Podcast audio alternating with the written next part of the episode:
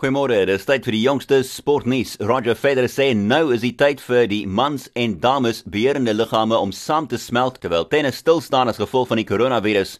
Die 20-mal Grand Slam kampioen sê hy praat nie van die saamsmelt van kompetisie op die baan nie, maar die samesmelting van die twee beheerende liggame, die ATP en die WTA, wat omsien na die mans en dames professionele toere. Spaanse 19-mal Grand Slam kampioen Rafael Nadal het bygevoeg dat dit goed sal wees om uit die wêreldkrisis te kom met die unie van die mans en dames tennis in een organisasie.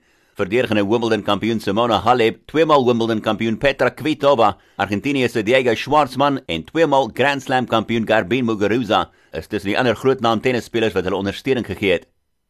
En in die tyd van die koronavirus is daar baie helde wat kritiese werk doen, maar nie baie bedank word nie. Hier is die All Blacks afrigter Ian Foster wat dankie sê aan hierdie helde. Just want to acknowledge there's lots of heroes out there at the moment. The people in the in the hospitals and the medical and the healthcare and, and the community services. And just on behalf of the All Blacks uh, and rugby, a big thanks.